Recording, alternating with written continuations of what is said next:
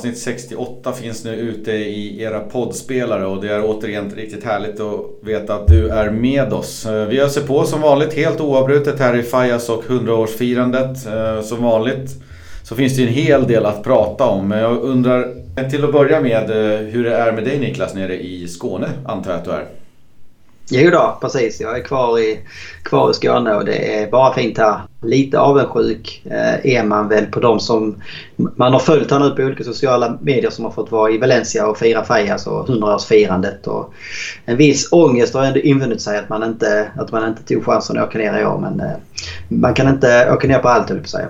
Nej, det har ju sett riktigt roligt ut och följer man bara lite Valencia-folk på, på Twitter då, som där jag kollar mest så får du bilder på allt möjligt och, och, det ser ut att vara riktigt härliga tider där nere. Ja verkligen. Och det är ju då framförallt i år med 100-årsfirandet så verkar det som liksom hela staden har ju levt upp till det på något sätt och gjort Fajas kanske då ännu mer sprakande än vanligt. Mm. Så är det. Men eh, vi kör igång. Det är ju lite, eller inte bara lite, det är landslagsuppehåll som precis har påbörjats. Vi har dock ett riktigt härligt nyhetspaket och så har vi två matcher att snacka ner. Krasnodar och eh, Getafe. Ingen match att snacka upp så vi bubblar lite grann kring eh, landslagsmatcherna då och där Valencia-spelarna är inblandade. Och sen har vi en eh, veckans snackis. Så vi får ihop ett avsnitt även fast det är landslagsuppehåll.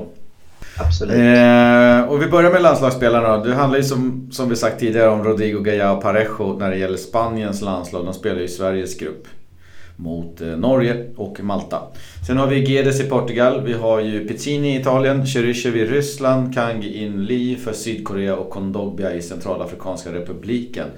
Det är väl uh, the usual suspects, det är väl någon som saknas där kanske som inte åkte iväg. Det blir väl extra kul för eh, Rodrigo Gaia och Parejo nu också mm. med en landskamp hemma på Mestalla så att säga. Eh, lite extra krydda på det. Ja, verkligen. De spelar ju den mot Norge. Lasse Lagerbäcks Norge eh, är ju på Mestalla i samband med 100-årsfirandet eller tack vare det kanske. Så det blir nog riktigt, ja. riktigt kul för dem. Jag hoppas, jag hoppas de får spela. Ja, nej, men det, det känns ju som alla... Ja, Gaia och Parejo har väl haft en bra form en längre tid kanske. Men eh, Rodrigo har ju liksom också hittat sin form på slutet känns det som. Så förhoppningsvis så eh, kan han få mycket speltid i Spanien och få ytterligare självförtroende boost här inför avslutningen under våren. Mm. Så är det. Eh, sen kan vi nämna i U21 så har vi som vanligt då Carlos Soler. Jag tror att... Eller jag vet att Tony Lato inte är med och jag tror att han har ramlat ur där och så att han inte har spelat så mycket. Men däremot så tycker jag ändå att ni ska ägna lite uppmärksamhet på de matcherna. För att där huserar nämligen Jorge Sainz från Teneriffa och Manu Vallejo från Cadiz. De är uttagna i truppen eh, och de har vi ju värvat eh, till Valencia. Det kan ju vara ett ypperligt tillfälle att kika på dem när de kamperar med spanska U21-landslaget. Absolut, två väldigt spännande spelare som får mycket lovord från sina, sina nuvarande klubbar och som det ska bli väldigt spännande att se i Valencia kommande säsong och se om man är redo att ta, ta det här nästa steget så att säga från Teneriffa och Cadiz. Ja, och i eh, sista grejen från eh, landslagssamlingen här är ju att U19 hittar ni som vanligt Ferran Torres och även Hugo Guillamon från eh, Valencia Mestalla. Så att eh, det är en hel del spelare iväg. Eh, och vi kan väl säga att dagen efter då Spanien möter Norge på Mestalla så kommer Valencias legendarer att möta ett spanskt landslag bestående av gamla ja, legendarer också kan man väl säga. Eh, men vi kan säga att i Valencias lag då hittar vi storheter som Carboni, Voro, Albelda, Vicente, Baraja, Piojo Lopez, Angulo, Mista, Djukic och Rufete. Det väldigt många fler. Jag tror inte de kör med bara tre byten utan det där rullar nog på lite, lite handboll eller någonting. Men det är inte, ingen dålig trupp va? Inte illa va? Nej, det är svårt att klaga. Det är ju några riktiga stora och roliga namn som, eh, som ska spela för Valencia här. Och det är nästan så det är lite så här. Man får många så här nostalgiska känslor när man liksom ser de här spelarna eh, presenteras och de själva lägger upp olika bilder i samband med 100-årsfirandet. Så det, det, är väldigt kul att se hur många spelare som ändå liksom som har spelat i Valencia genom åren och som ändå liksom berörts eller som har tagit klubben till sitt hjärta på något sätt och skickat liksom oman med jubileet. Nej, och vi ska inte glömma heller att det är Claudio Ranieri som är eh, tränare där och så var det Camacho som är tränare för Spanien. Eh, och de hade väl också lite Eh, olika Juan Fran, eh, Miguel Angel Nadal, Romero. Ja. Det fanns lite, lite sköna lirare där också. Det brukar, det brukar det väl vara med den här typen av matcher att själva matchen i sig är ju sällan liksom något, eh, något större eh, sportsligt spektakel i alla fall. Utan det är ofta ro, roligare liksom att följa det innan och, mm. och efter höll jag på att säga med, med deras uttalanden och sådär. De, de har ju eh, inte riktigt samma kvalitet på fotbollsplanen längre. Nej, jag tror alla de här spelarna mer ser fram emot spelarbanketten efteråt när man får käka och dricka gott med gamla, gamla lagkamrater och motståndare. Precis. Sen kan vi väl nämna lite grann kring 100-årsdagen då som inträffade nu i måndags. Det strömmade ju som vi sa in mängder med gratulationer från gamla spelare och det var även lag runt om, runt om i Europa. Firandet fick ju väldigt stor uppmärksamhet runt om i fotbolls-Europa och även världen då kan jag tänka mig. Eh, och det ser på bilderna ut att vara fantastiskt. Då. Det var även en eh, riktigt stor nordisk eh, brigad på plats och firade det här. Ja, nej, man hade ju någon lång parad genom stan också med mm. tusentals fans ute. Och, eh, det var ju häftigt att följa där när fanan så att säga eh, bytte ägare allt eftersom. Det var alltid från eh, Kempe som bar den eh, till Vår och olika legendarer som fick liksom bära, bära fanan ett par steg. Och det var också kul att se liksom många av de här som inte bor i Valencia eller kanske ens i Spanien eller Europa längre men som ändå hade flugits in för den här dagen och som med liksom stolthet var med och firade Valencias 100-årsjubileum. Det var häftigt. Ja, vi får ju se vad Eh, vad som sägs så här i efterhand om det är någon som har någon kritik att komma med. Vi hade ju läst om lite kritik här tidigare för en två månader sedan tror jag där folk tyckte att det inte verkade vara så mycket. Men vad jag kunde se på bilderna så var det ju jättefint firande och eh, från min synvinkel så, så var det jättefint och ingenting att klaga på så att säga. Nej, jag håller med. Och det känns som att alltså, nu har man ju alla möjligheter också liksom att rent sportsligt göra det här till en säsong som man kommer komma ihåg. Med eh, Copa del Rey-final är redan klart och man är liksom kvar i Europa och har alla möjligheter att göra en bra placering i ligan fortfarande. Eh, så att även sportsligt, jag menar det många röster där i höstas eller för ett tag sedan var kanske också att det såg, då såg det så sportsligt illa ut. Eh, och klubben hade kanske inte riktigt eh, kommunicerat hur firandet skulle gå, till på något sätt. Men nu, nu fick man till en bra 100-årsdag och jubileet kommer väl fortsätta då i lite mindre skala under hela våren här. Och förhoppningsvis kan spelarna på planen också se, se till att vi får det där extra lilla gyllene firandet på något vis. Ja, det hoppas jag verkligen. Och en som inte var med och försökte få till det där extra resultatet nu i helgen, det var ju Neto. Han eh, saknades i matchen mot Getafe och det berodde på att han hade ont i ryggen. Eh, det enda officiella som finns just nu det är ju att han skulle missa just den matchen eh, och vi utgår ifrån att han är tillbaka i laget till efter landslagsuppehållet. Jag läste här igår att han fortfarande inte var, var tillbaka i träning. Nej. Så vi får väl hoppas att det kan ju också vara här nu att man tar det lite försiktigt eftersom man inte spelat i helgen så kan man kanske ta någon dag extra för att känna liksom att man är helt, helt hundra igen innan man, man, man går på det. Verkligen och det är ju en och en halv vecka kvar till match så det finns ju gott om tid ja. Eh, för han eh, Och eh, hinna komma tillbaks lite på ett bra sätt. Precis. Sen hade vi ju lite information om två kontraktsförhandlingar har sipprat ut i veckan. Det är inga jättechocker men det handlar om Carlos Solero. Hans kontrakt går ut 2021, så om två år då lite drygt och det behöver ju såklart förlängas och det känns ju som en relativt riskfri förlängning av Valencia. Jag menar han eh, han spelar i Valencia i ordinarie eh, och är med och bidrar. Eller så kommer han säljas för en väldigt, väldigt hög peng. Och eh, det gäller bara att ha det här kontraktet förlängt då. Han har ju en utköpsklausul.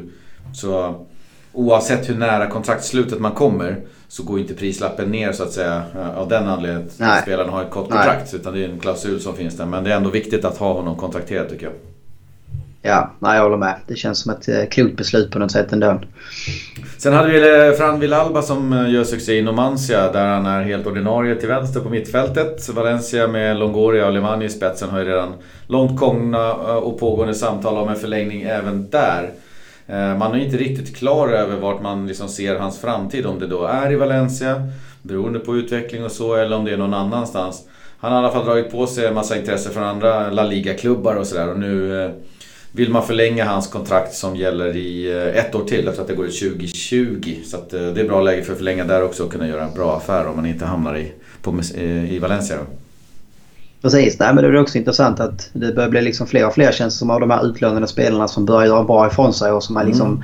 kan dra öronen åt sig igen från Valencia-hållet. Då, då kan det ju vara, vara, vara, smart att man fortfarande har möjligheten att kunna ta tillbaka dem om, om man liksom ser att de har eh, nått nästa nivå så att säga istället för att sälja dem för tidigt. Så att, eh, det är alltid kul och även om de inte skulle komma tillbaka till Valencia så är ändå Fran Villalba en Valencia-son på något sätt. Så man önskar ju honom allt gott på något vis.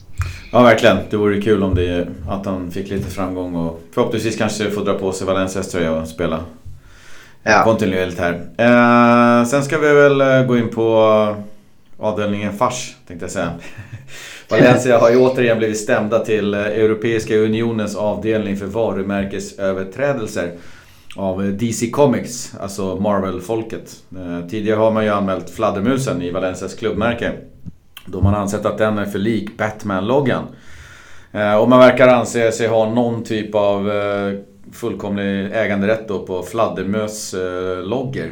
Nu har man då anmält den lite mer digitala fladdermusloggan som Valencia har tagit fram till 100-årsjubileet.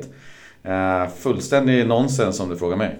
Ja, verkligen. Alltså det känns ju det känns ju bara löjligt på något sätt. Man, man försökte här, om det var fem år sedan, eh, och då lyckades man inte. Och nu när man då tar fram den här 100-årsloggan så, så tycker de igen att de, de har någon slags patent på, på fladdermus-loggor vilket känns helt meningslöst. Alltså det, det, det, det dessutom liksom helt olika branscher på något vis. Alltså jag vet inte vad, vad de ser att man, man skulle vinna på det här. Nej, jag vet inte om det finns några pengar eller någonting inblandat eller om det är någon typ av prestige eller om de känner att de måste sätta ett exempel här för alla andra kommande som vill ha fladdermusen i sin logga. Vad vet jag? Det finns ju fler klubbar liksom att ge sig efter i sådana fall. Jag förstår inte. Ja, och det, det som är väldigt intressant är ju att Valencia då, som alla förstår, bildades ju då 1919 så att säga, mm. 100 år sedan. Eh, medan då DC Comics tydligen bildades 1934. Mm. Så skulle man liksom bara gå vem som använde den här eh, fladdermusen först som logga så att säga. Eh, så blir det ganska uppenbart att Valencia var före. Sen att man inte själva har gått in och tagit patent på det. Det, det känns liksom ganska givet att det är en så pass vanlig symbol så det går liksom inte att ta patent på det på något sätt utan att det blir löjligt. Nej, och, och likheterna mellan den orangea väldigt uh, utspridda så att säga raka fladdermus och den väldigt runda formade. Alltså den är inte... De är inte lika Nej. någonstans. Nej. Nej, det, det känns som, jag vet inte. Ja. Marvel Boys, lägg ner. Uh, ja, säger vi bara. Mm. Europa Leagues eh, kvartsfinal lottades också i fredags. Det har ni inte missat. Valencia möter Villarreal i ett dubbelmöte om en plats i semifinalen. Då. Positivt är ju att Valencia börjar borta då den 11 april. Och avslutar hemma en vecka senare. Det har ju visat sig vara en fördel att få avsluta det där på hemmaplan då. Uh, vore kul med semifinal. Europa League. Vi har ju ändå Chelsea där som bör gå vidare. Vi har ett Arsenal som möter Napoli, så det blir ett av de lagen. Vi har ju Benfica, Frankfurt. Så att, eh, ja, det kan börja bli riktigt spännande när vi kommer till semi. Då kanske till och med du får upp äh, ångan kring Europa League. Det är lite så, redan på denna lottningen faktiskt så fick jag upp pulsen eh, för Europa League mer än jag haft hela, eh, hela säsongen höll på att säga. Men det har inte varit så lång säsong i Europa League. Men det var ju framförallt så var, var det nog för att eh, jag fick sådana här flashbacks i huvudet från våren 2004 eh, när Valencia härjade i Uefa-cupen som det hette.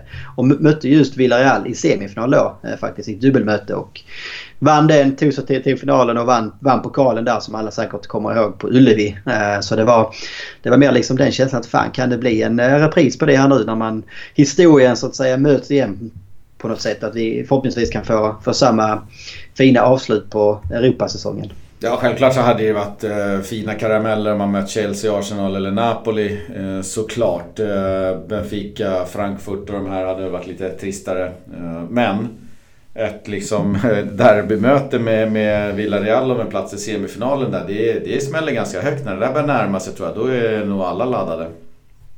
Absolut, men det är också alltså, det är ju, eh, rent krasst får man ändå säga att det är ju, det är ju sportslig drömlott. Alltså mm. av de lagen som är kvar så hade jag ju valt Villarreal före alla de andra vilken dag som helst i stort sett. Eh, både liksom för att Valencia känner Villarreal väldigt bra och det känns som att de senaste säsongerna ändå haft bra fördel mot Villarreal på något sätt. Att man har ett övertag på dem. Eh, och Villarreal dessutom som liksom krigar i ligan. Och måste väl ändå se att eh, det är fortsatt existens i La Liga som är prio ett för dem och kanske inte då eh, har samma 110% krut att lägga i en kvartsfinal i Europa League förhoppningsvis.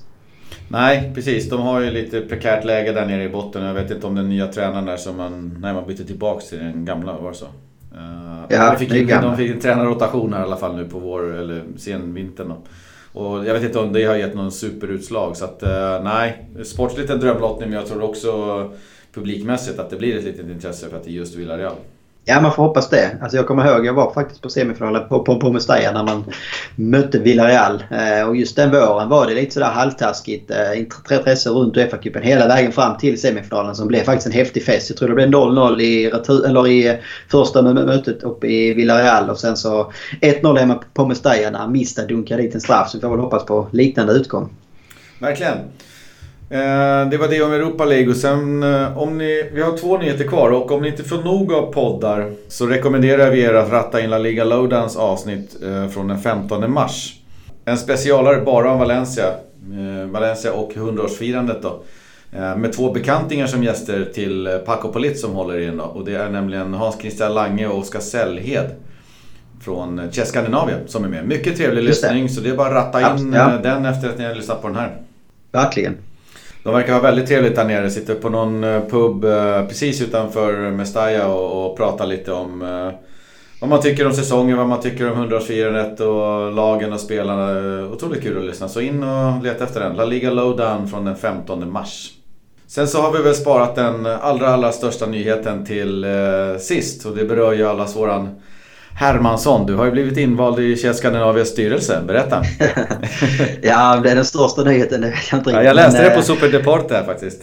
Ja, det var Första så. Ja, ja, nej, det, de uh, har sina paparazzis ute. Ja. Nej, det blev, blev så här på årsmötet i lördags. Uh, så fick jag äran då att få vara med i styrelsen i Chess Skandinavia vilket känns häftigt och, och, och, och, spännande att kunna vara med och påverka eh, och kunna vara med liksom och föra Chess Skandinavias fina fana framåt så att säga. Så det, det, känns väldigt skoj. Vi har ju pratat om det innan också att vi ska försöka hitta lite mer samarbete kanske med Chess Skandinavia och, och, kunna synka olika träffar kanske med mm. Valencia-podden och Skandinavia i, i både i Stockholm och, och i Skåne och kanske på fler ställen. Eh, så det, det är väldigt spännande faktiskt. Ja, vi har pratat om det några gånger. Det vore jättekul att få ihop någon sån här samling med, med lite härligt Valencia-folk och kanske kika på en match eller spela in en livepodd eller någonting liknande, vad vet jag. Ja, absolut. Nej, som sagt, det var sista nyheten och vi börjar ju kika på de senaste matcherna här efter gingen. Då har vi två matcher att avhandla. Det ena var ju Europa Leagues-returen där i åttondelen mot Krasnodar borta. Eh, det blev ju 1-1 till slut. Eh, Gedes målade i en eh, rakt igenom usel insats av Valencia som klarade sig undan med hjärtat i halsgropen och det dröjde ända in på övertiden innan Gedes väldigt, väldigt snyggt förvisso kunde stänka in 1-1 och avancemanget redde ut sig och avsaknaden här av Parejo kändes ju för mig väldigt, väldigt stor. Det var ingen som riktigt kunde hålla i bollen och passa sig ur Krasnodars press och lite sådär. Eh, vad har du för tankar kring matchen? Nej, alltså generella inställningen är precis det som säger att man, det är en, en dålig match. Och det blir li, lite för tydligt att där är de här, när man roterar för mycket i Valencia som man gjorde inför den här matchen tyckte jag, så ser man att när många av de här rotationsspelarna får spela samtidigt så blir också deras kvalitet lite för uppenbar. Alltså, en spelare som Cherchev som ändå kan se hyfsat bra ut i en bra miljö eh, såg ju ganska så usel ut till exempel kanske då med en, tillsammans med en Sobrino som allt mer ter sig märkligt vad, vad Valencia egentligen såg i den spelaren. Alltså, eh, det känns som om man bara vill ha in en spelare som kan springa och kämpa så borde man kunna hitta en billigare och eh, annan lösning. Kan kanske närmare och få in någon yngre Valencia-spelare eller något. Så det, nej, alltså det kändes... Man satt ju liksom innan, innan själva kvitteringen kom så satt man ju bara, eller jag satt liksom bara och kände att fy fan man nonchalant och kastade bort det här. För det var så det kändes liksom. Alltså, efter den första halvleken på Mestalla där man körde över Krasnodar eh, så känner man bara att det här ska Valencia liksom gå vidare nio gånger av tio. Mm. Sen så går man ut och gör en kass andra halvlek på Mestalla och man inleder då liksom med 85 minuter uselt spel här så känns det som att man kastar bort chansen och ändå kunna ha möjligheten i, i att ta en titel ute i Europa. Stolpe in känns det som i den aspekten. Jag tänkte på Chirysha där. Jag håller med dig lite grann. Att Han uh, kändes lite blek. Uh, som han, uh, han kändes som Cheryshev typ. han hade ja. lite offensiva grejer. Men det är ju en spelare som, som alla ser olika, måste jag ändå säga. För att jag gick in på Super Deporte. De hade gett Man of the Match till, till Coquelin. Nej, vad säger jag? Till ja. Gedes som gjorde målet. Men han hade ju bara spelat ja. 20 minuter så det var ju glädjen över det. Den som fick högst betyg, en sjua, det var Cheryshev. Ja. så man ser ju olika saker med honom. Så är det, ja, ja precis. Ja.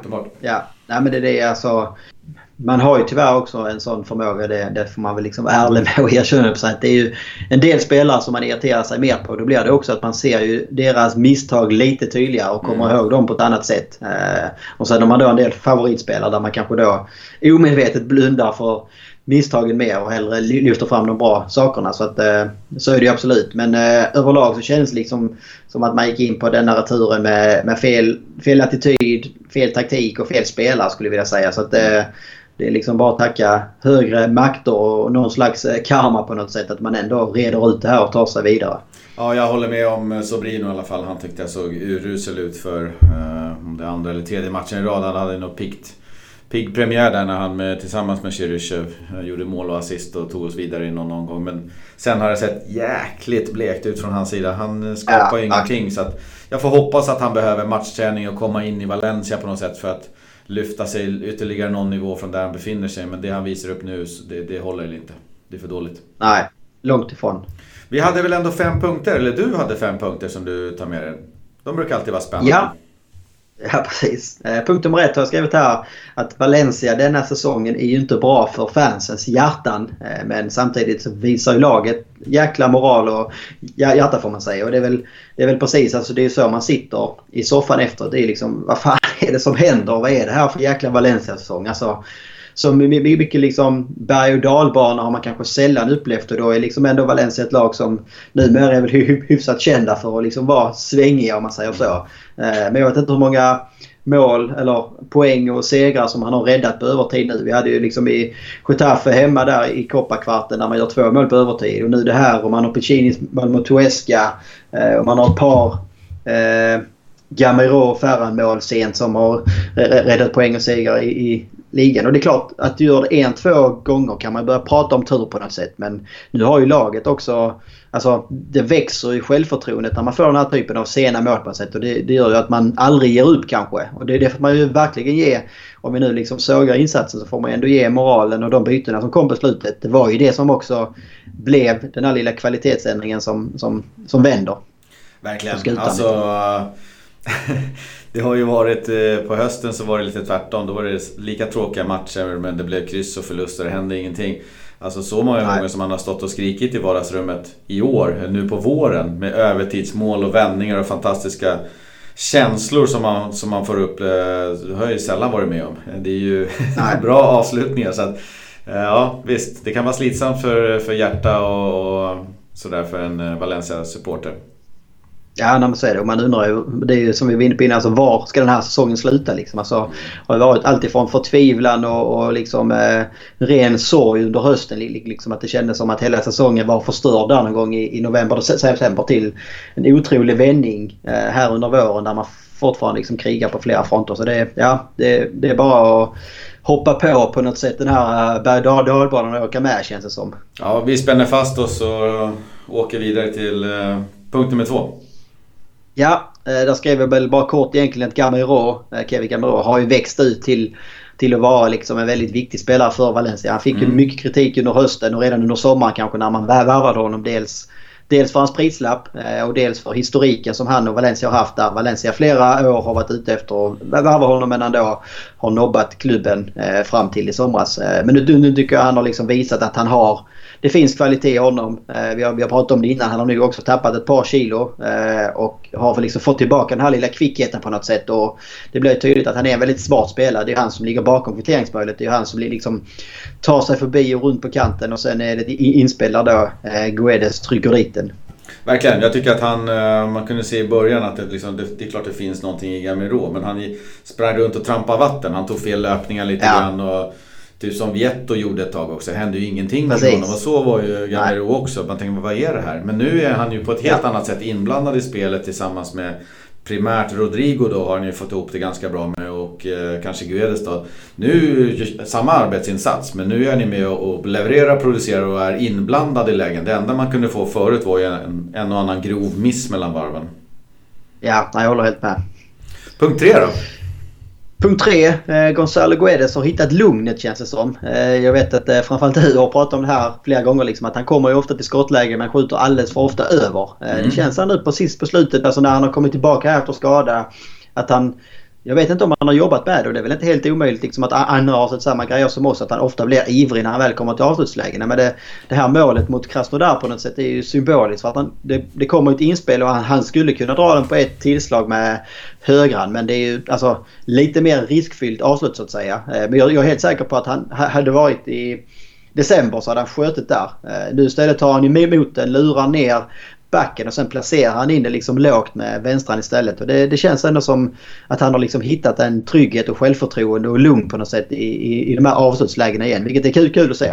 Ja, jag håller med. Nu, nu är det den Gedes vi vill ha eh, i mångt och mycket. Det är klart det finns lite kvar av han. Men nu levererar han mål hela tiden och jag vet att eh, jag och de engelska kommentatorerna, kommentatorerna på den matchen jag såg här var helt sal, lyriska och saliga över eh, Gedes mål. Att han han, ja. alltså han tar ju mottagningen på något sätt på, på långa benet som är liksom längst bort. Så att försvararen eh, slänger sig och ska ta, liksom, blocka skottet exakt där det ska vara. Och han är uppe på läktaren. så att, ja. det är oerhört ja. vackert, eh, tekniskt skickligt liksom. Alltså, ja. Jag vet inte om det är tekniskt ska kallas, yeah. men alltså speluppfattningsmässigt oerhört skickligt mål. Och det är jättekul att han, han ligger på den här nivån nu. Ja, och jag menar i det läget och liksom i den tiden, 88 89 minuten eller vad, vad, vad det är. Alltså, det blir ju det är enkelt där liksom att känna sig stressad att nu behöver vi ett mål. Eh, eller till och med 93 är det väl han gör det, inte ens mm. 88. Eh, alltså, och så fort bollen kommer in i straffområdet så kan man ju kanske lätt känna att nu bara drar jag på kung och får fussla. Men ändå ha liksom det lugnet i sig. Att den här, den här tar jag emot, lurar ner honom och sen placerar in den. Alltså det är ju, det är ju världsklass avslut. Alltså det går ju inte att göra det bättre än Guedes gör där. Nej, verkligen. Kul att det gav resultat också i form av ett avancemang. Ja, absolut. Punkt fyra. Punkt fyra.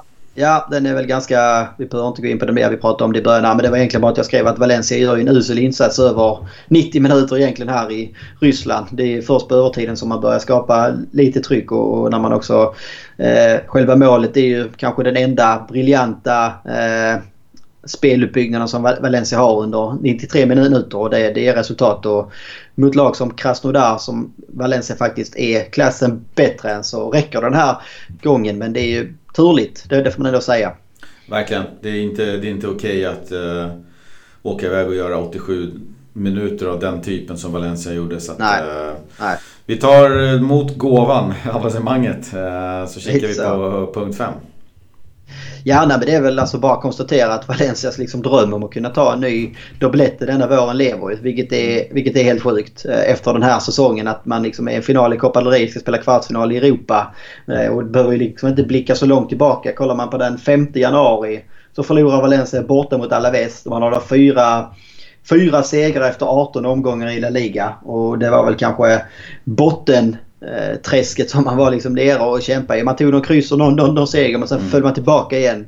Nu då drygt två månader senare den 14 mars så står man helt plötsligt med 15 raka matcher eh, utan förlust. Och egentligen har man då 19 raka utan att ha förlorat eh, att det betyder något så att säga. Eh, så att det är, nej, det är en otrolig vändning som man har fått på den här säsongen och otrolig liksom vår som vi har att drömma om här inför avslutningen. Verkligen. Eh, alla chanser att få, få det här till att bli en fullständigt fantastisk säsong finns ju. En fjärde plats och Copa del Rey-guld och kanske då en final eller guld i Europa League. Det skulle ju vara hur bra som helst. Ja, no, det är väl bara det man kan konstatera. Kort på den punkten, även om det här är en Valencia-podd, så kan man ju se alltså, vilken jäkla skillnad det är nu. Vi har pratat om Valencia och Sevilla som är liksom två stora konkurrenter. Eh, Sevilla kickar tränaren i ve veckan. Eh, bara för liksom två, tre månader sedan så hyllades ju Sevilla unisont alltså av alla eh, Spanien fotbollsälskare höll jag på att säga. Och man, man, man pratar om att de, de skulle kunna kampa om guldet hela vägen in och hur spännande det liksom kunde vara med ny utmanare till de här topp tre. Eh, och nu, nu liksom eh, är det de som har sparkat tränaren, Marcelino kvar, det är Valencia som krigar om titlar. Så det, ja, det svänger snabbt och ibland så ska man också få lite, lite karma för att man har tålamod så att säga. Verkligen. Vi hoppas att eh Valencia seglar ifrån Sevilla. Att vi byter plats mot som det har sett ut senaste tre åren kanske då. Förutom förra Ja.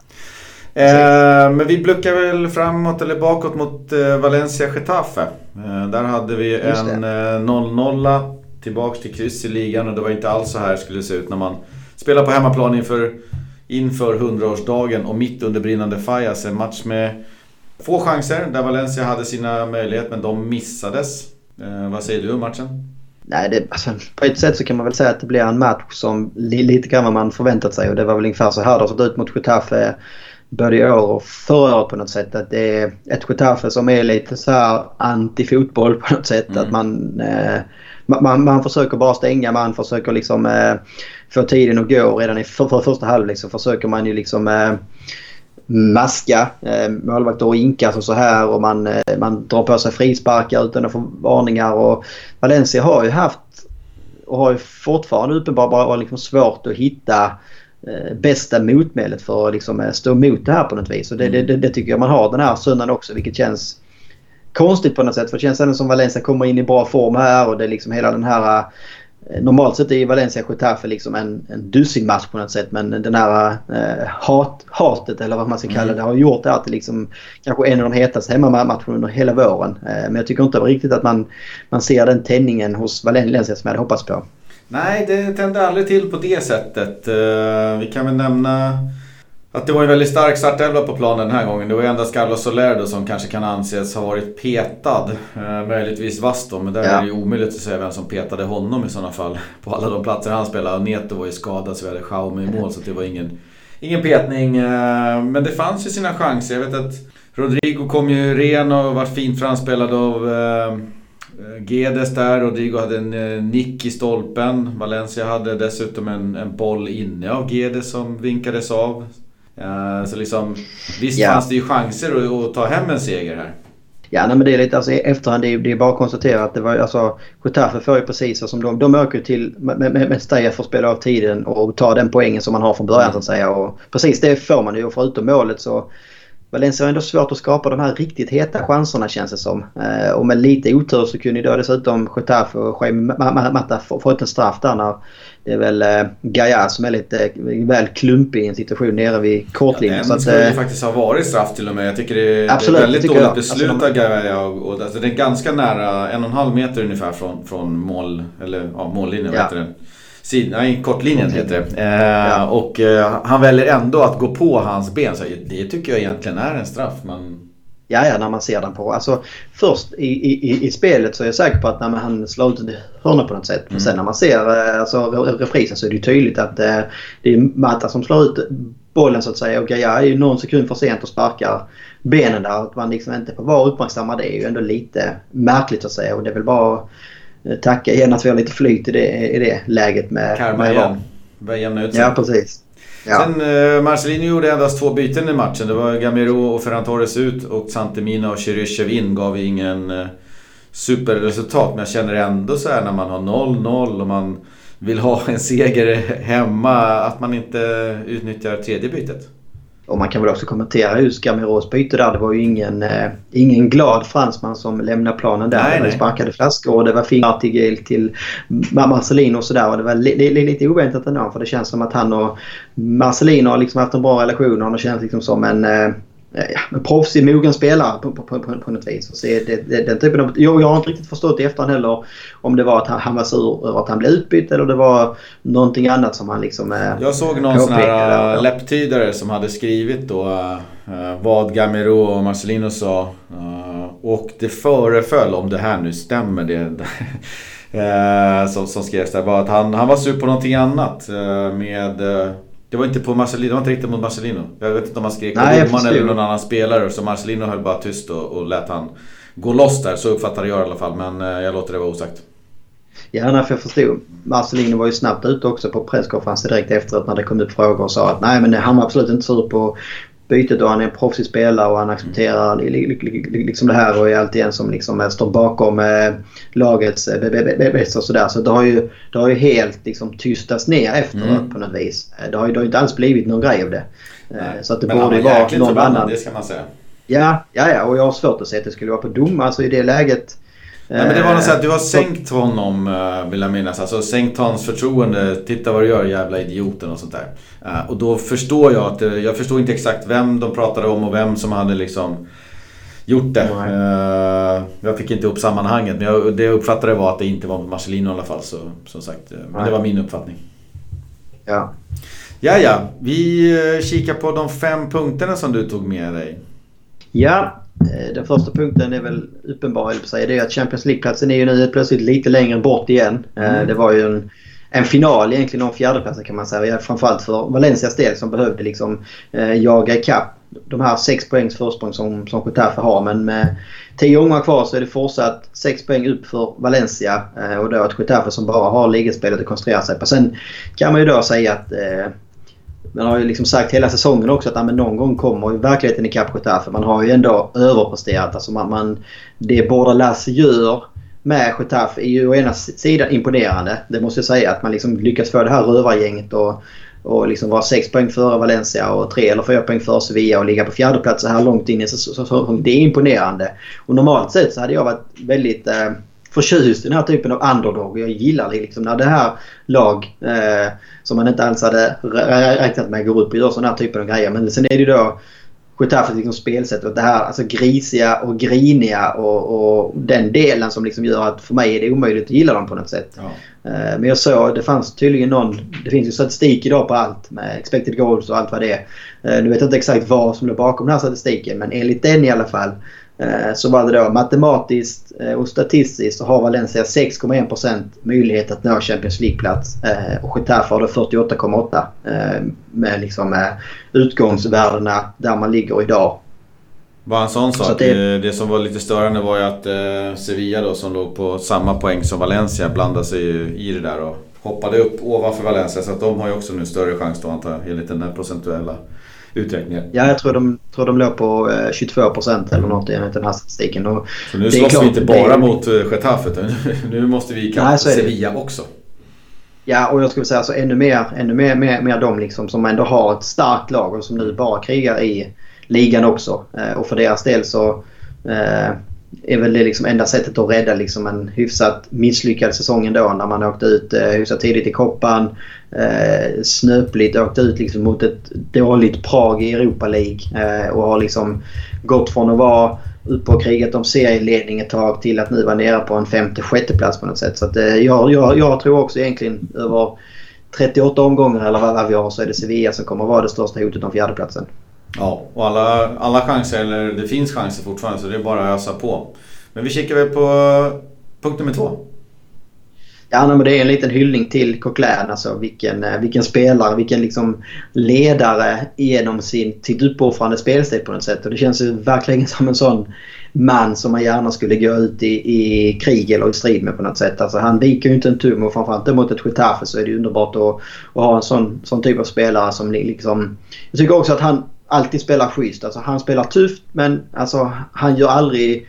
Jag upplever inte det i alla fall. Och sen är det klart att man kan vara färdig men jag upplever inte att han gör saker fult medvetet. Alltså är, han kommer in fel ibland och han tar på sig varningar och frisparkar. Absolut. Men han har ändå liksom alltid intention att spela tufft men inte gå över gränsen medvetet på något sätt. Och det, det, det respekterar jag ändå högt. Ja, han är en sån här spelare som ger och tar smällar. Uh, han ligger inte Exakt. ner i onödan utan han reser på sig direkt och försöker inte filma och bluffa och grina. Ingen sån här Chiellini på det sättet. Så att han skulle Nej. inte platsa i Getafe skulle jag säga. Nej, de Nej, men alltså, jag de rullar på ett annat sätt där. Ja, men jag håller med dig. Precis det, det som du säger också. Att han tar smällar liksom och ger smällar. Det är, ju, det är väl det man kanske kan störa sig med på Getafe. Det är liksom att man är det laget av alla lag i Europas toppliga som det passar mest frisparkar. Mm. Eh, men samtidigt så är man otroligt gnälliga. Så fort man får liksom minsta lilla kontakt så kan man ligga och rulla runt och skrika på domaren och be om varningar hit och dit. Alltså, det, det, det, jag kommer ihåg att du eh, sa det innan efter kopparmatcherna. Alltså, det går inte att göra. Behöver dock spela tufft och spela liksom fult. Men då kan du liksom inte gå och gråta när du själv får en smäll omgången efter. För då, då blir det bara patetiskt på något vis. Ja, men det blir motsägelsefullt på något sätt. Ja, ja. Så blir det. Uh, och så trean då? trean, lite upprepning från mm. Eh, Krasnodar-matchen. Men det är väl att Guedes känns som att han är tillbaka på allvar nu. Nu har han ändå gjort ett par, tre matcher på rad här där han... Eh, jag tycker han har varit en av Valencia som inte den piggaste spelaren och här mot mm. Getafe så hade han ju en otrolig energi kändes som. Alltså, mellanåt kändes det som han var överallt och så fort han fick bollen så såg man att den här gamla Guedes var, var, var, tillbaka. Liksom, att det var blicken framåt, sätta eh, upp farten så att säga och försöka spela sig igenom. Och det kändes som han hela tiden ville skapa någonting. Han ville hela tiden komma till lägen eller spela fram någon annan. Och det är också han som gör det här målet som då sen blir bortom för offside. Och det är ju inte Guedes som jag säger utan det är ju då Gamero i antingen i första läget på inlägget eller är det väl på målet då som Gamero står i offside-läge och man då eh, tycker att han påverkar spelet så att säga. Men eh, Gonzalo Guedes såg riktigt bra ut. Ja, jag kan bara skriva under på, på allting. Han, eh, det känns kul att han... Eh, eh, vi pratade lite om, eller jag pratade om att gubbarna på läktaren hade ledsnat på honom och han fick jättedåliga betyg i tidningen efter någon match. Men efter det så, så gjorde han ju ett mål som jag tror betydde otroligt viktigt, mycket för honom. Ja. Och efter det så har han egentligen ja. bara visat att han, han är på ett par nivåer högre leveransmässigt än vad han var för två, tre veckor sedan bara. Så att ja. han är tillbaks på allvar. Ja, nej, men då är det skönt att se att skadorna nu förhoppningsvis inte hämmar honom längre. Och det, det, det ser också ut som att han liksom har roligt på, plan, planen igen. Alltså han springer mm. inte och gömmer sig på kanten utan han smyger in centralt. Han är ibland ute på högerkanten. Han hela tiden liksom var, var med i spelet och hela tiden när han har bollen så vill han göra någonting med den. Alltså det här mm. alibispelet som man såg liksom i höstas när han var lite halvskadad. Det, det är försvunnet och det är liksom den Guedes som vill vara och tycker det är roligt att vara en ledande spelare på något sätt i offensiven. Så det är väldigt lovande inför våren. Nummer fyra eh, har skrivit Mestalla. Eh, jag tyckte det var, det var ett fint tifo, det var en grym inramning och det var ju såklart med det här 100-årsjubileet i fokus. Och det blir ju också den här eh, extra uppiskade stämningen just eftersom det var Kotafe såklart och det var liksom en Fajas hemmamatch där det brukar vara extra bra stämning och har säkert en del åskådare har tagit ett par extra eh, cervezas innan, eh, innan det var dags för match. Så att, eh, på nytt liksom eh, grymt bra stämning hemma på Mestalla. Ja, jättekul att se. Det var fint tifo tycker jag också. Uh, vi kollar ja. på femman då. Femman ja, vi springer snabbt vidare här. Och det var väl egentligen bara att konstatera att det känns som att eh, vi kan lita på Jaume Domenech. Eh, hade ju ett par kopparmatcher här under vintern där man, där man ställde väl ett ganska stort frågetecken efter ett par riktigt eh, sjabbliga ingripande. Eh, det kan man väl kanske nu i efterhand också konstatera att kanske till stor del var det liksom matchvanan som gör att de, de sakerna kommer. Nu har han fått stått en hel del i koppan. Eh, stod väl någon Europa League-match nu liksom då får han stå i ligan här när Netto är skadad. Och tycker han, han, han är allt mer stabil. Alltså jag håller fortfarande Netto klart före men det känns ändå som att vi har en andra keeper som man inte behöver vara liksom orolig för på samma sätt som man kände ett tag här i vintras. Ja, jag, jag tror att det beror en, en, del på att han har fått speltid i lite hetare matcher än eh, ja. i, i liksom koppans början där det egentligen är roterings... Eh, lag som ställs på benen. Nu har det ju varit riktigt heta matcher mot eh, Getafe och Betis och så fick han stå i ligan här där han höll nollan igen då mot Getafe. Ja. Så, så det har nog gjort honom gott att få lite, lite speltid och uh, kunna, kunna spela sig i form. Så att, uh, jag tycker också det ser, det ser bra ut. Ja, no, just det. Så jag tror kanske det också, det känns som Schaume är en liten känslomänniska, känslospelare. Mm. Och just liksom att han kände det att fast det gick tungt och han gjorde något misstag så stod ju både liksom Marcelin och bakom honom har ju aldrig liksom tvekat eller någonting i sina uttalanden om att det var han som var kopparmålvakten. Oavsett liksom de här äh, tabbarna så var det han som skulle stå. Många spelare har också gått ut och stöttat honom och man ser det på planen också. Liksom att de försöker lyfta honom. Han verkar vara väldigt omtyckt spelare i truppen så då är det också kul liksom att han kan gå ut och, och, och leverera. Ja, knyta näven i fickan. Jag vet att för känslomänniskor så betyder det väldigt mycket när man får ett stöd från från människor som man tycker om och människor som man litar på i sin närhet. Så att, eh, jag tror ja. att det betytt jättemycket för Xiaomi att ingen backade och började prata illa Nej, om precis. honom utåt. Utan alla stod bakom honom och nu, nu betalar han tillbaks. Ja. Det var de fem punkterna. Eh, vi har lite kommande matcher då. Eh, söndag den 31 mars har vi ju kanonmatchen mot Sevilla. Också måste vinna. Det är Sevilla borta, men den snackar vi upp i nästa avsnitt. Vi hinner med ett till avsnitt nästa vecka. Utöver det har vi superhärliga Spanien-Norge i Sveriges EM-kvalgrupp. Eh, Lasse Lager mot Luis Enrique lördag 20.45. Ja. Och sen så möter ju Spanien Malta borta på tisdag 20.45. Ja, nej, men Spanien. Det är ju extra intressant att följa nu både liksom med det faktumet att vi har tre Valencia-spelare såklart som vi hoppas ska få en hel del speltid. Eh, men också nu för att de är, de är Sveriges EM-kvalgrupp så kanske det är mm. roligare att följa liksom både Spanien och, och Norge och Malta kanske inte lika spännande. Men eh, det känns ju som liksom en Rodrigo kanske är i sitt livs form. Eh, eller Rodrigo Parejo menar jag kanske är i mm. sitt livs form. Och han, han har inte fått, alltså han har varit med i en del trupper innan men inte riktigt fått chansen i någon het viktig match. Så det ska bli intressant att se om han, om han får det nu här i de här EM-kval-matcherna mot Norge och Malta. Och Gaia fortsätter ju kriga kommer att, att vara med på vänsterbacksplatsen eh, där han väl slåss framförallt med Jordi Alba. Så det är förhoppningsvis en hel del speltid för alla tre spelarna i de här landskamperna. Ja, det vore jättekul. Jag tänkte kolla på dem. De går säkert på Eurosport eller någonting. De borde inte vara så svåra att hitta. Sen har vi Portugal har ju två hemmamatcher då. Först nu på fredag mot Ukraina och sen på måndag mot Serbien. Båda 20.45. Där har vi ju Gedes som eh, har visat fin form. Vi har en Cristiano Ronaldo tror jag som är tillbaks i landslaget efter sin paus. Eh, oklart vad den berodde på. Men han är tillbaka. Vi får se om Gedes får någon speltid eller om han kör Eh, Ronaldo, det är två ganska tuffa nötar att knäcka då. Eh, spanska U21 lirar ju imorgon torsdag. Då är det 18.45 hemma i Granada mot Rumänien och sen så är det Österrike på måndag 18.45.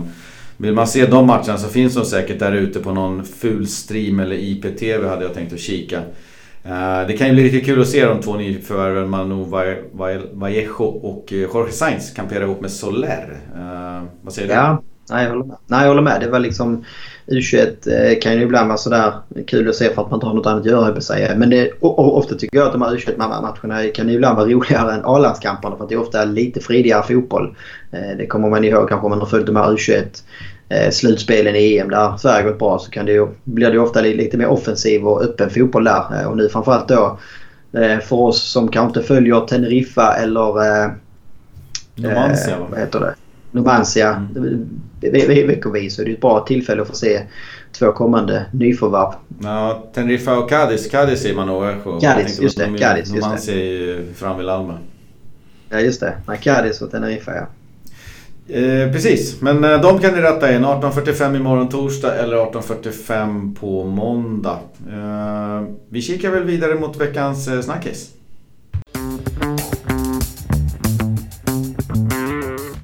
Veckans snackis då, då. Härlig programpunkt. Näst sista eh, programpunkten. Eh, och det är den här gången, hur ska Valencia närma sig Real Madrid och Barcelona? Och det här kommer sig lite av en artikel då som publicerades här i veckan. Eh, vår president har ju inte haft det så lätt med kärleken från Valencianistas kanske. I, och vilket i flera fall då har varit lite beroende eh, på självförvållade orsaker och märkliga uttalanden och ageranden. I veckan här kom det i alla fall en uh, stor uh, intervju med Anil Murti uh, med fokus på hur Valencia då skulle kunna närma sig Barcelona och Real Madrid i toppen av La Liga igen. Och där hintade han om flera intressanta saker så vi tänkte väl ta tag i hans citat där och diskutera lite kring vad vi tycker och tänker om det han sa. Ja. Det låter väl bra? Nej, men han, Ja, det tycker jag. Det är, själva frågan i sig är ju, är väldigt stor och bred. Så man kan säga, vi försöker väl smala av den här, ta frågan och ta den utgångspunkt från Anil Mortis uttalande egentligen. Eh, mm. och sen kanske det finns anledning att återkomma till samma fråga i en annan snackis och mer fokusera på andra punkter eller hur man ska uttrycka det. Eh, så det kommer inte vara något givet svar kanske på övergripande frågan men det är i alla fall så här som Anil Morti ser det. Mm. Eh, och han börjar ju med i den här artikeln konstatera att då Valencia efter att ha placerat sig 12 två år i rad inför förra säsongen så har man nu då fjärdeplatsen i fjol. I år är man då kvar i ligan, eller kvar i, ligan, men kampen i ligan i alla fall om att komma fyra igen och samtidigt kan man spela Copa del Rey-final och man är i kvartsfinal i Europa League. Eh, så det är ju liksom bara där ett stort, ett stort steg framåt eh, efter två mediokra år och flera år innan det också som liksom var upp och ner och fram och tillbaka så har man kanske då hittat en annan stabilitet på något sätt. Eh, och faktiskt kan vi ju bara snabbt flika in att Valencia var tillsammans med Barca och Manchester City eh, då enbart ett av tre lag i alla de europeiska toppligorna som fortsatte med på, i tre olika tävlingar vilket är lite kul. Både då inhemsk cup, Europaspel och ligaspelet. Och han tryckte här på att eh, faktumet att då Valencia sportsligt, ekonomiskt och strukturellt idag är en klart stabilare klubb har varit en förutsättning för liksom, den förändringen som, som, som vi nu ser. Ja så var det. De, de orden användes i den här eh, intervju som vi pratade om förra veckan i singaporiansk media. Eh, men jag håller med lite grann. Det finns en, sett till de eh, senaste åren i alla fall, så, så finns det ju man kan skönja kanske lite en eh, sportslig stabilitet men jag tycker de stora sakerna har väl egentligen skett på de andra med strukturella och, och ekonomiska. Det var ju en avgrundsdjup historia för två, tre, fyra år sedan. Med, ja. med både ekonomi och struktur och det kändes som något Cirkus Scott hela skeppet liksom. Nu är det i ordning på torpet. Däremot så Eh, lite beroende på hur det går då, eh, i år med Europa League och ligan och så här, så, så, finns det, jag, jag, kan, eh, jag kan hålla med om att det finns en sportslig stabilitet i alla fall. Toppen saknas ja, kanske. Precis. Ja, precis. Nej, men lite grann av den här stabiliteten generellt i klubben tycker jag också kanske man, man har sett här under vintern, vilket är lite skillnad mot vad det sett innan. Alltså nu vinter efter hösten så har det ju stormat rejält kring Marcelino och, och oftast när det har gjort det här under de sista tio åren så har resultatet blivit att ah, vi kickar tränaren och tar in någon annan. Och sen har man egentligen bara då eh, alltså typ tejpat över såret som blöder på armen. Alltså du har ju liksom inte försökt läka såret utan det är bara tillfälligt. Alltså, sen så går det en period och så läcker tejpen. Ja, men då river vi av den och så tar vi på en ny tejp på något sätt. Nu har man haft tålamod eh, och liksom sagt uttalat att men vi, vi tror på den här tränaren, vi tror på hans idéer, vi tror på den här uppsättningen som vi liksom har i, i det sportsliga ledarskapet på, på något vis. Och det, tyder ändå på att det finns någon slags struktur och stabilitet bakom även liksom tränarna och spelarna på något vis. Som, som är positivt tror jag i, i, i längden framförallt. Ja, man kan väl bara snabbt konstatera att mycket av det som gjorde att det inte funkade tidigare så att säga var ju de här kortsiktiga besluten med att byta tränare allt för ofta. Nu mm. har man då ändrat strategi där så att det, eh, det verkar vara en positiv och en framgångsrik strategi som man har nu. Ja, vi eh, hoppas att den håller i längden, att det bär frukt liksom eh, långsiktigt.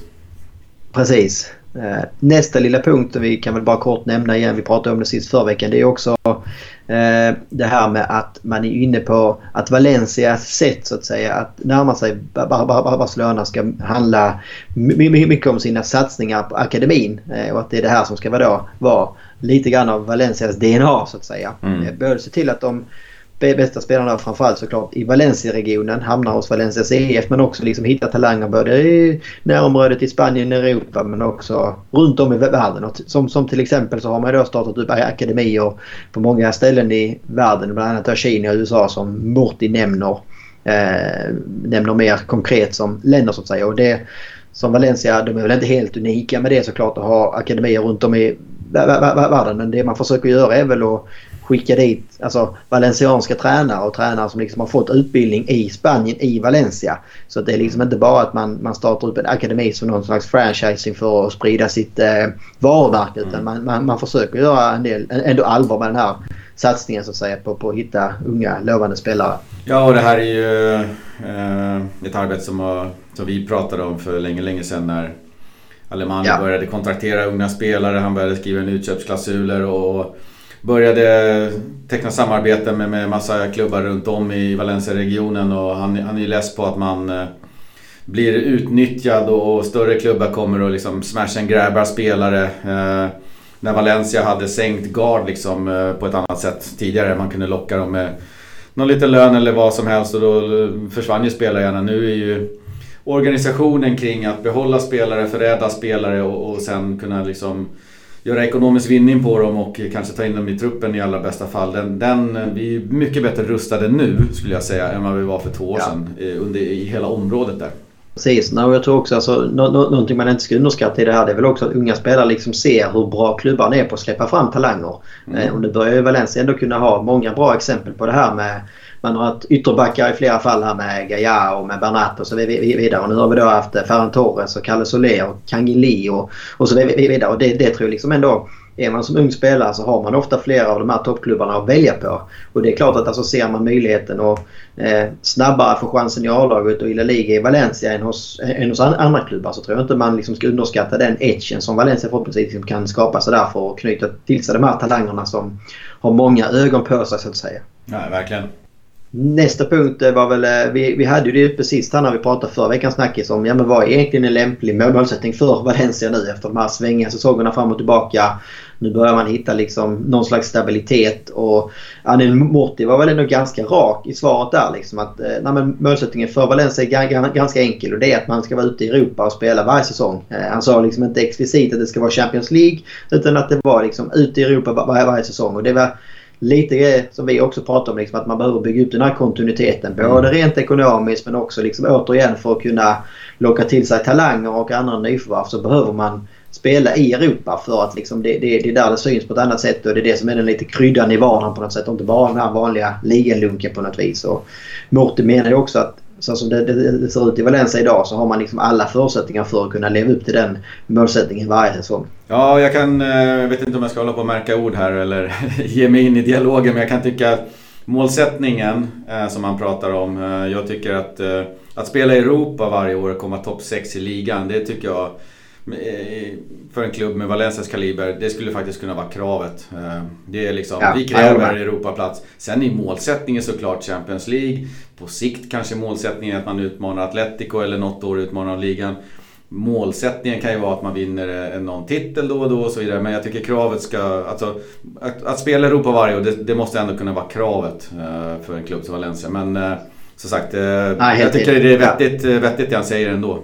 Ja, nej, jag håller med, med, med det helt. Och det är lite som vi pratade innan om att ibland...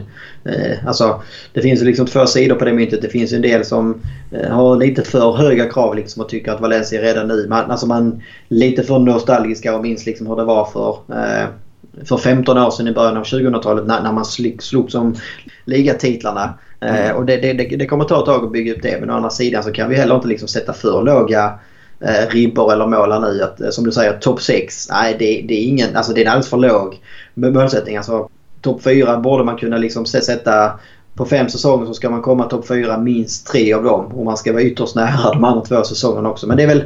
Alltså på ett sätt ska jag köpa vad han säger. Att det handlar om för Valencia att hitta en stabilitet. Alltså kan man mm. komma fyra, femma, fyra, trea så, så är det betydligt bättre än som vi sett här nu. Att man kommer fyra, tolva, fyra, tolva. Alltså jag, jag ser hellre att man kommer då femma, sexa, två år kanske. Istället för att man får de här stora dipparna. För jag tror de förstör eh, liksom mer i långa loppet också än, än vad man kanske inser. Ja, generellt sett så tycker jag att han tar sansade ord i sin mun och det känns som eh, ja. sansade tongångar för klubben. Eh, fast jag, som sagt, eller både du och jag tycker att kravet kan vara Europa då. Ja. Nästa grej där då? Atletico Nästa Madrid. lilla grej. Precis. Nej, men det har ju varit en hel del prat både liksom eh, bland Valencia-fans kanske men även utifrån liksom att eh, att man ska kolla på hur Atletico Madrid har gjort. För de har ändå, man får ju säga att de har haft en framgångsresa sen Diego Simeone tog över där och har ju liksom på allvar kunnat utmana Barcelona och Real Madrid. Det var också inte bara en säsong utan nu ändå över en fyra femårsperiod på något sätt. Mm. Eh, och då har man då pratat om, men ska man inte försöka liksom kopiera det man har gjort hos de vitröda så att säga och Valencia kanske ska göra samma sak. Men där tyckte jag Anel Morti var väldigt tydlig och bra på något sätt. Att Valencia ska inte köra något copy-paste utan Valencia...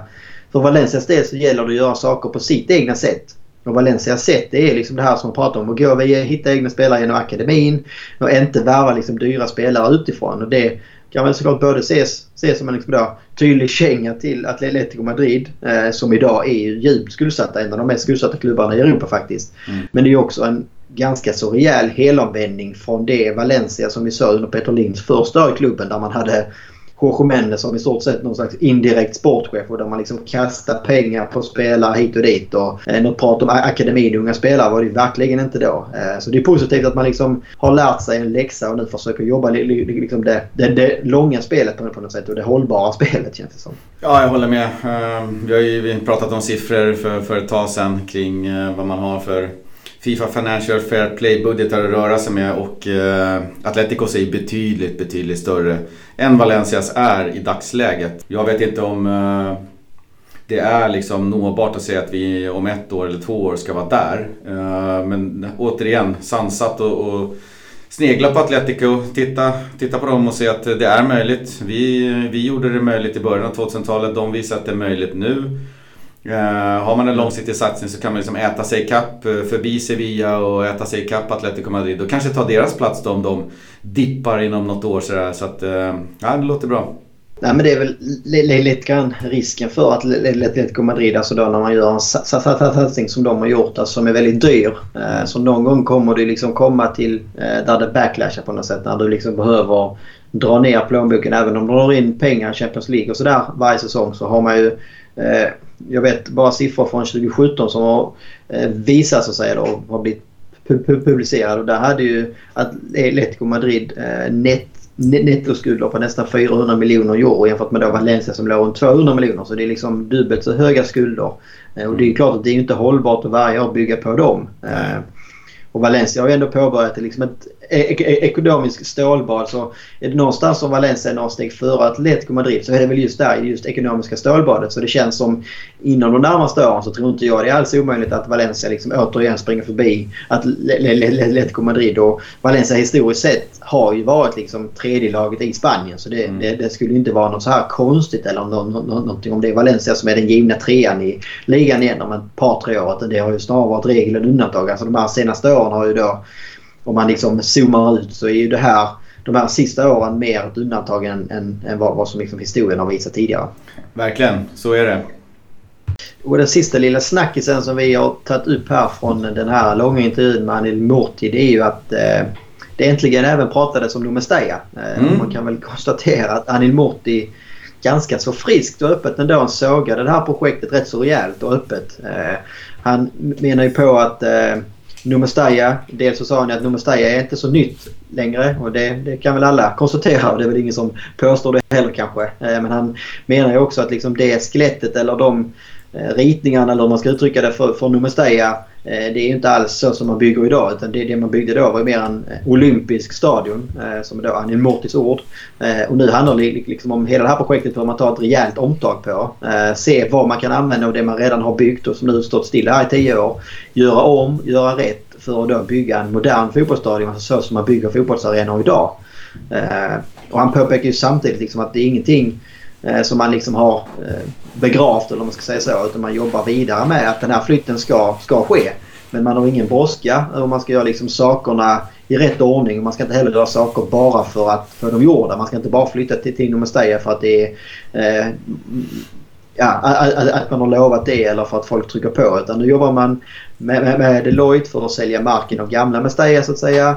Eh, och allting med tajmingen kommer ju liksom bero på när den försäljningen går igenom och när man hittar rätt köpare som är beredd att betala då rätt belopp så att säga. Eh, så kan man också då börja kolla, kolla mer på Domestaya-projektet om man säger så. Man, man kommer väl inte påbörja något, större arbete innan, innan den biten är klar. Men det var väl ändå sunda värderingar tyckte jag. Ja, verkligen. Eh, jag tycker det är jättekul att höra att de, de ser över där. Om jag uppfattat det rätt så har man ju planerat att redan tidigare egentligen att man gräver ner planen så att säga några meter neråt än vad, vad den var planerat från början för att få in mer läktarplats då eh, och eh, bort med löparbanor och annat som eventuellt var planerade där. Det som jag också kan läsa lite mellan raderna där han säger att det handlar om att få in rätt bud och det handlar om att sälja i rätt läge till rätt pris och lite sånt där. Jag, där läser jag ju in att det kanske inte finns något bra bud just nu. Att, att man har, nej, det var ju lite, lite mer framåtlutat då när man gick in i det här med Deloitte och det kom bud och det rapporterades som bud och hitan och ditan, de är med och inte med. Eh, nu känns det mer som att det har varit jättetyst. Vart är buden? Det kanske, eh, det kanske inte kommit så mycket bud och då är det ju bra att man, att man säger att vi, vi flyttar inte för sakens skull. Vi säljer för reapengar och, och gör det för att vi har bestämt. Utan vi kan vara kvar på Mestajan en stund men eh, kommer det rätt bud så, så, kommer vi liksom att gå vidare där. Så att, eh, ja, också kul, och, kul att höra. Han snackade lite grann om att fansen, eller arenan ska vara byggd för fansen, den ska vara byggd för fotboll, det ska vara en arena som, som vi vill flytta in i.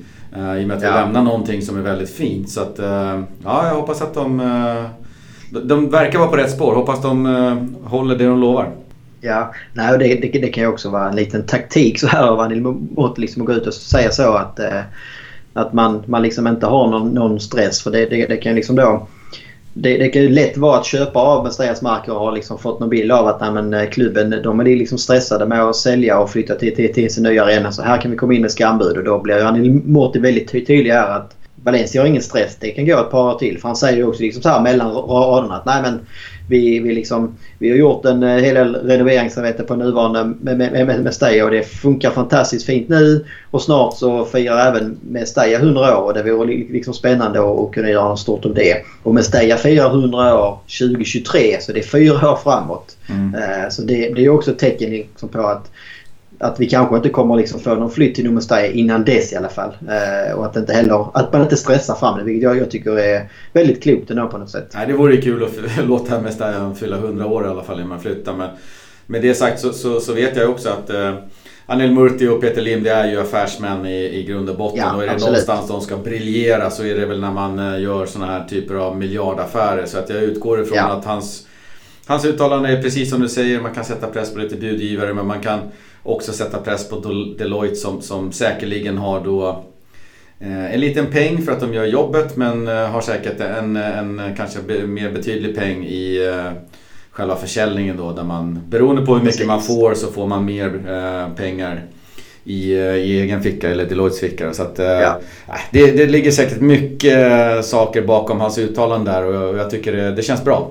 Det känns bra att man inte bara ja, hastar in i det här. Ja, jag tycker också de här uttalandena om liksom att, man, att man ska se över ritningarna från början. För att jag håller med om alltså de ritningarna och de bilderna, 3D-bilder som togs fram när man byggde, eller började bygga Domestad. De var jäkligt häftiga då men kollar man, man, man, på det idag så kan man känna lite ah, alltså väldigt själlöst också på något mm. sätt. Eh, och, inte, och precis som man säger, det känns inte som liksom den perfekta fotbollsarenan. Man går liksom från Mestalla, klassisk och ändå ganska unik arena på något sätt som, som liksom är känt för att skapa väldigt bra tryck på något sätt. Och går liksom då till en arena kanske med löparbanor och alldeles för eh, kommersiellt utseende på något vis. Och gillar ju det här att man kanske då kan försöka ta med mer saker från nuvarande Mestalla så att säga och, och kopiera det till, till en ny arena men då få ett modernare eh, moderna stil och liksom Mestalla är ju slitet. Det liksom, ska man ju inte eh, sticka under stolarna med. Även om man har gjort en hel del renovering där de senaste åren så är det fortfarande liksom en gammal arena och det märks att den då är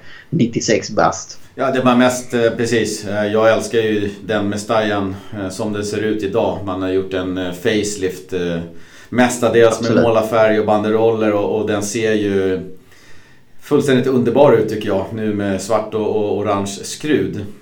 och, och det som talar för gamla Mestajan eller det man älskar med den är att den ligger mitt i, mitt i stan så att säga. Eh, med, med ja, alla, ja, livet runt omkring. Och kollar man på nya Mestaja eller nog Mestaja så det är inte helt värdelöst ska jag säga. Det går ju en stor motorväg tänkte jag säga, men en stor väg i alla fall på längs ena långsidan. Med en stor rondell okay. där. Och sen så har du ju då eh, andra långsidan och, och en kortsida. Där är det ju alltså eh, bostadsområden eller vad man ska säga som är väldigt väl lämpade för, för pubbar och, på, och restauranger och annat. Så att jag, eh, gör man det här på korrekt sätt, man bygger en arena som är lite byggd för fans och för fotboll och så, så, så kommer man att kunna skapa en, en väldigt god känsla runt arenan. Den, den, den står inte på en slätt som Celtic Park och inte i ett eh, industriområde som många andra arenor gör, eh, den nya Mestajan. Eh, om än inte lika bra läge som eh, Mestajan. Men, men det går att göra bra saker där också, det är jag helt övertygad om man gör på rätt sätt. Ja, Nej, det kommer ju alltså, det kommer alltid bli såklart. Alltså, vid övergången kommer det vara mycket nostalgi och saknad av gamla museer. Man kommer aldrig kunna kopiera liksom hela den, jag menar hundra års historia och liksom det som sitter i väggarna där kommer ju ta tid att bygga upp. Men eh, det är ju också nödvändigt ibland liksom att dra de här plåsterna på, på något sätt och gå vidare. För precis som du är inne på, menar, eh, idag har blivit väldigt snyggt med det här faceliftet. Men det är också lite grann att man liksom sminkar över problemen om man säger så. Den är, den är ju inte hållbar alltså för en längre tidsperiod. Så är det ju tyvärr bara. Det, Sprickorna i betongen äh, finns ju bakom äh, målarfärgen och banderollerna. Ja. Ja, Nej, ja, men, men som sagt, ja, den ser ju fantastisk ut nu. Det är en, en fröjd att stå och titta på den utanpå Plaza de ja. Aficionados, eller vad heter den? Fanstorget där utanför. Men det var väl snackisen för den här gången då. Lite sköna uttalanden ja. från Alil Murti i media. Ni kan ju läsa hela den här äh, intervjun på Evening Standard var det va? En brittisk det, äh, på tidning engelska. På, på engelska. Nej, alltså, det fanns också där på spanska på valencianska medierna, skulle jag bara säga. Men äh, ja. på engelska på Evening Standard. Härligt! Vi kikar väl vidare på scorecasten här nu och konstaterar och nu får ni gärna höra av er till oss. Vi gick in, jag gick in och kollade på Twitter och Instagram och kunde inte se någon som hade tippat eh, något annat än seger förutom eh, vår kära Jinx-mästare Varro Faxén. Han hade 0-0. Tre pinnar, hatten av. Ja, det är väl lite så. Och vi började ge hatten av och samtidigt kan man ju känna lite grann, inget illa mot Varro, men det är lite grann trist att eh, att de här negativa mm. resultaten ger poäng på något sätt. Men eh, det, är ju, det gäller liksom att tippa både med hjärtat och hjärnan om man ska liksom ha en chans att avancera. Så det är ju bara att gratulera Varro. Ja, verkligen. Varro har ju ett enormt stort hjärta för klubben och, och har ju ja, tagit sin roll i det här som jinxmästare och inte kollat på matcher. Han har tippat saker som han inte vill att det ska bli bara för att jinxa så att det blir rätt resultat. Nu verkar han ha tappat sin lilla jinxfaktor och, och börja sätta resultaten. Han klättrar upp på fem poäng här nu och börjar blanda sig i topp... Eh, ska vi se, topp... Eh, han är nionde, åttonde plats. Ja, topp 10 slår han in sig på här nu i alla fall. De är en stabil eh, trepoängare.